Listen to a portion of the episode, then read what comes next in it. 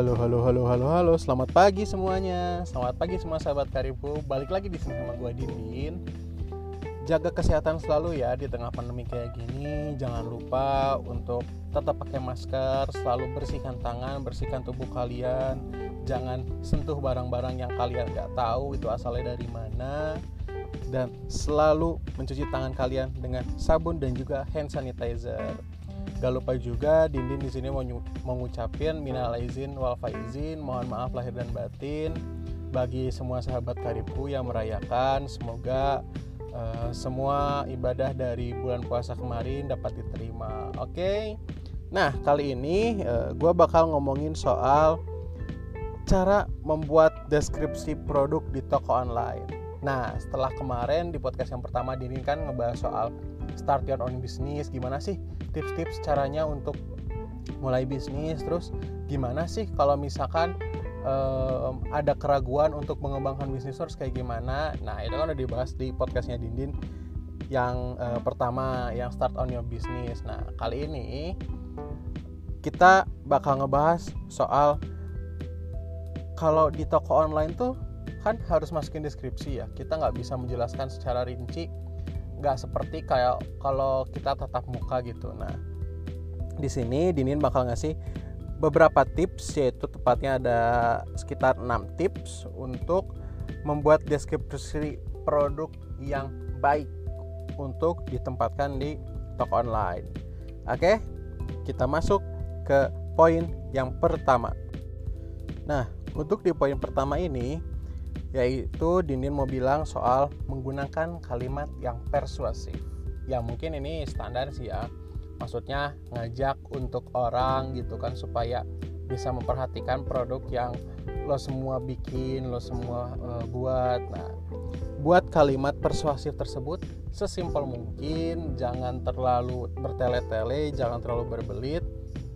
Karena dengan kalimat persuasif yang simple dan ngena banget dengan produknya itu bakal bikin konsumen yang lo tuju bakal yakin sama uh, apa sama si produk lo. Dan bakal efeknya pun bakal terasa. Dia bakal ngerasa oh iya ya ini produk bagus juga ya ternyata. Nah, kalau dikasih kalimat-kalimat persuasif yang kasarnya meninggikan derajatnya konsumen itu kan bakal membuat konsumen merasa oh iya juga ya benar juga gitu kan jadi konsumen tuh merasa uh, apa ya terajak gitu tergoda untuk membeli produk itu supaya apa manfaat dari produk itu tuh bisa didapetin sama dia. Nah, itu tips yang pertama yaitu menggunakan kalimat persuasif. Yang kedua yaitu jangan lupa menekankan keunggulannya juga. Jadi, setelah kalimatnya bentuknya persuasif, Nah, di dalamnya pun masukin, utamakan dan tekankan keunggulan-keunggulan dari produk yang lu semua punya. Jadi, produk-produk lu semua bakal dilihat, wah, ini produk hebat ya. Bisa ngelakuin A, bisa ngelakuin B, bisa ngelakuin C. Nah, itu kelebihannya dengan lu menuliskan keunggulan-keunggulan secara detail tapi gak belibet. Soalnya kalau misalkan kepanjangan juga, menuliskan keunggulannya itu bakal ngebingungin si konsumen. Karena terlalu panjang. Jadi usahakan sesimpel mungkin sengena mungkin si apa namanya si keunggulannya ini. Misalkan produknya tuh um, kain pel. Nah kain pel kan itu banyak ya di luar sana yang jual kain pel. Nah lu bikin keunggulannya tulis sedetail mungkin keunggulan yang beda dari yang lain. Misalkan kain pel Kain pel ini bisa mengeringkan dirinya sendiri tanpa perlu dikeringkan oleh kita setelah menggunakannya. Kan orang juga masih tertarik kan konsumen, ah kok bisa ngeringin dirinya sendiri? Kayak gimana caranya ya? Nah kayak gitu. Tuliskan keunggulannya, tekankan. Itu yang nomor dua.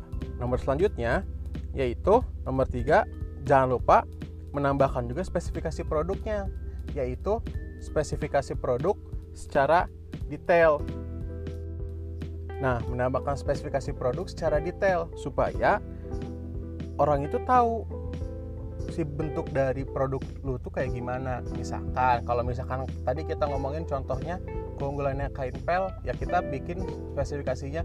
Misalkan panjangnya berapa lebarnya berapa ketebalannya berapa terbuat dari bahan apa produksinya seperti apa. Nah itu yang dinamakan spesifikasi secara mendetail ntar lu juga di situ bakal nambahin warnanya seperti apa nanti perawatannya seperti apa. Nah, poin-poin tersebut yang jangan sampai lu lupain dalam spesifikasi produk karena poin-poin tersebut adalah poin-poin yang penting dalam menuliskan deskripsi sebuah produk. Itu dari nomor 3. Kita masuk ke nomor 4 yaitu ketika lu bakal posting ke toko online, jangan lupa nambahin keyword yang sesuai dengan produk lu. Karena kesesuaian keyword itu akan ngebantu lu dalam menjual produk tersebut di toko online tersebut. Karena dengan kita bisa memaksimalkan keyword orang pun akan semakin mudah untuk mencari produk kita. Keyword sendiri berguna untuk meningkatkan SEO dalam e, pencarian dari suatu platform. SEO sendiri yaitu di, e, kepanjangannya dari search engine e, optimization. Nah itu tuh untuk memaksimalkan pencarian e, di mesin pencari dari produk kita. Itu nomor 4 yang kelimanya tambahin juga foto produk.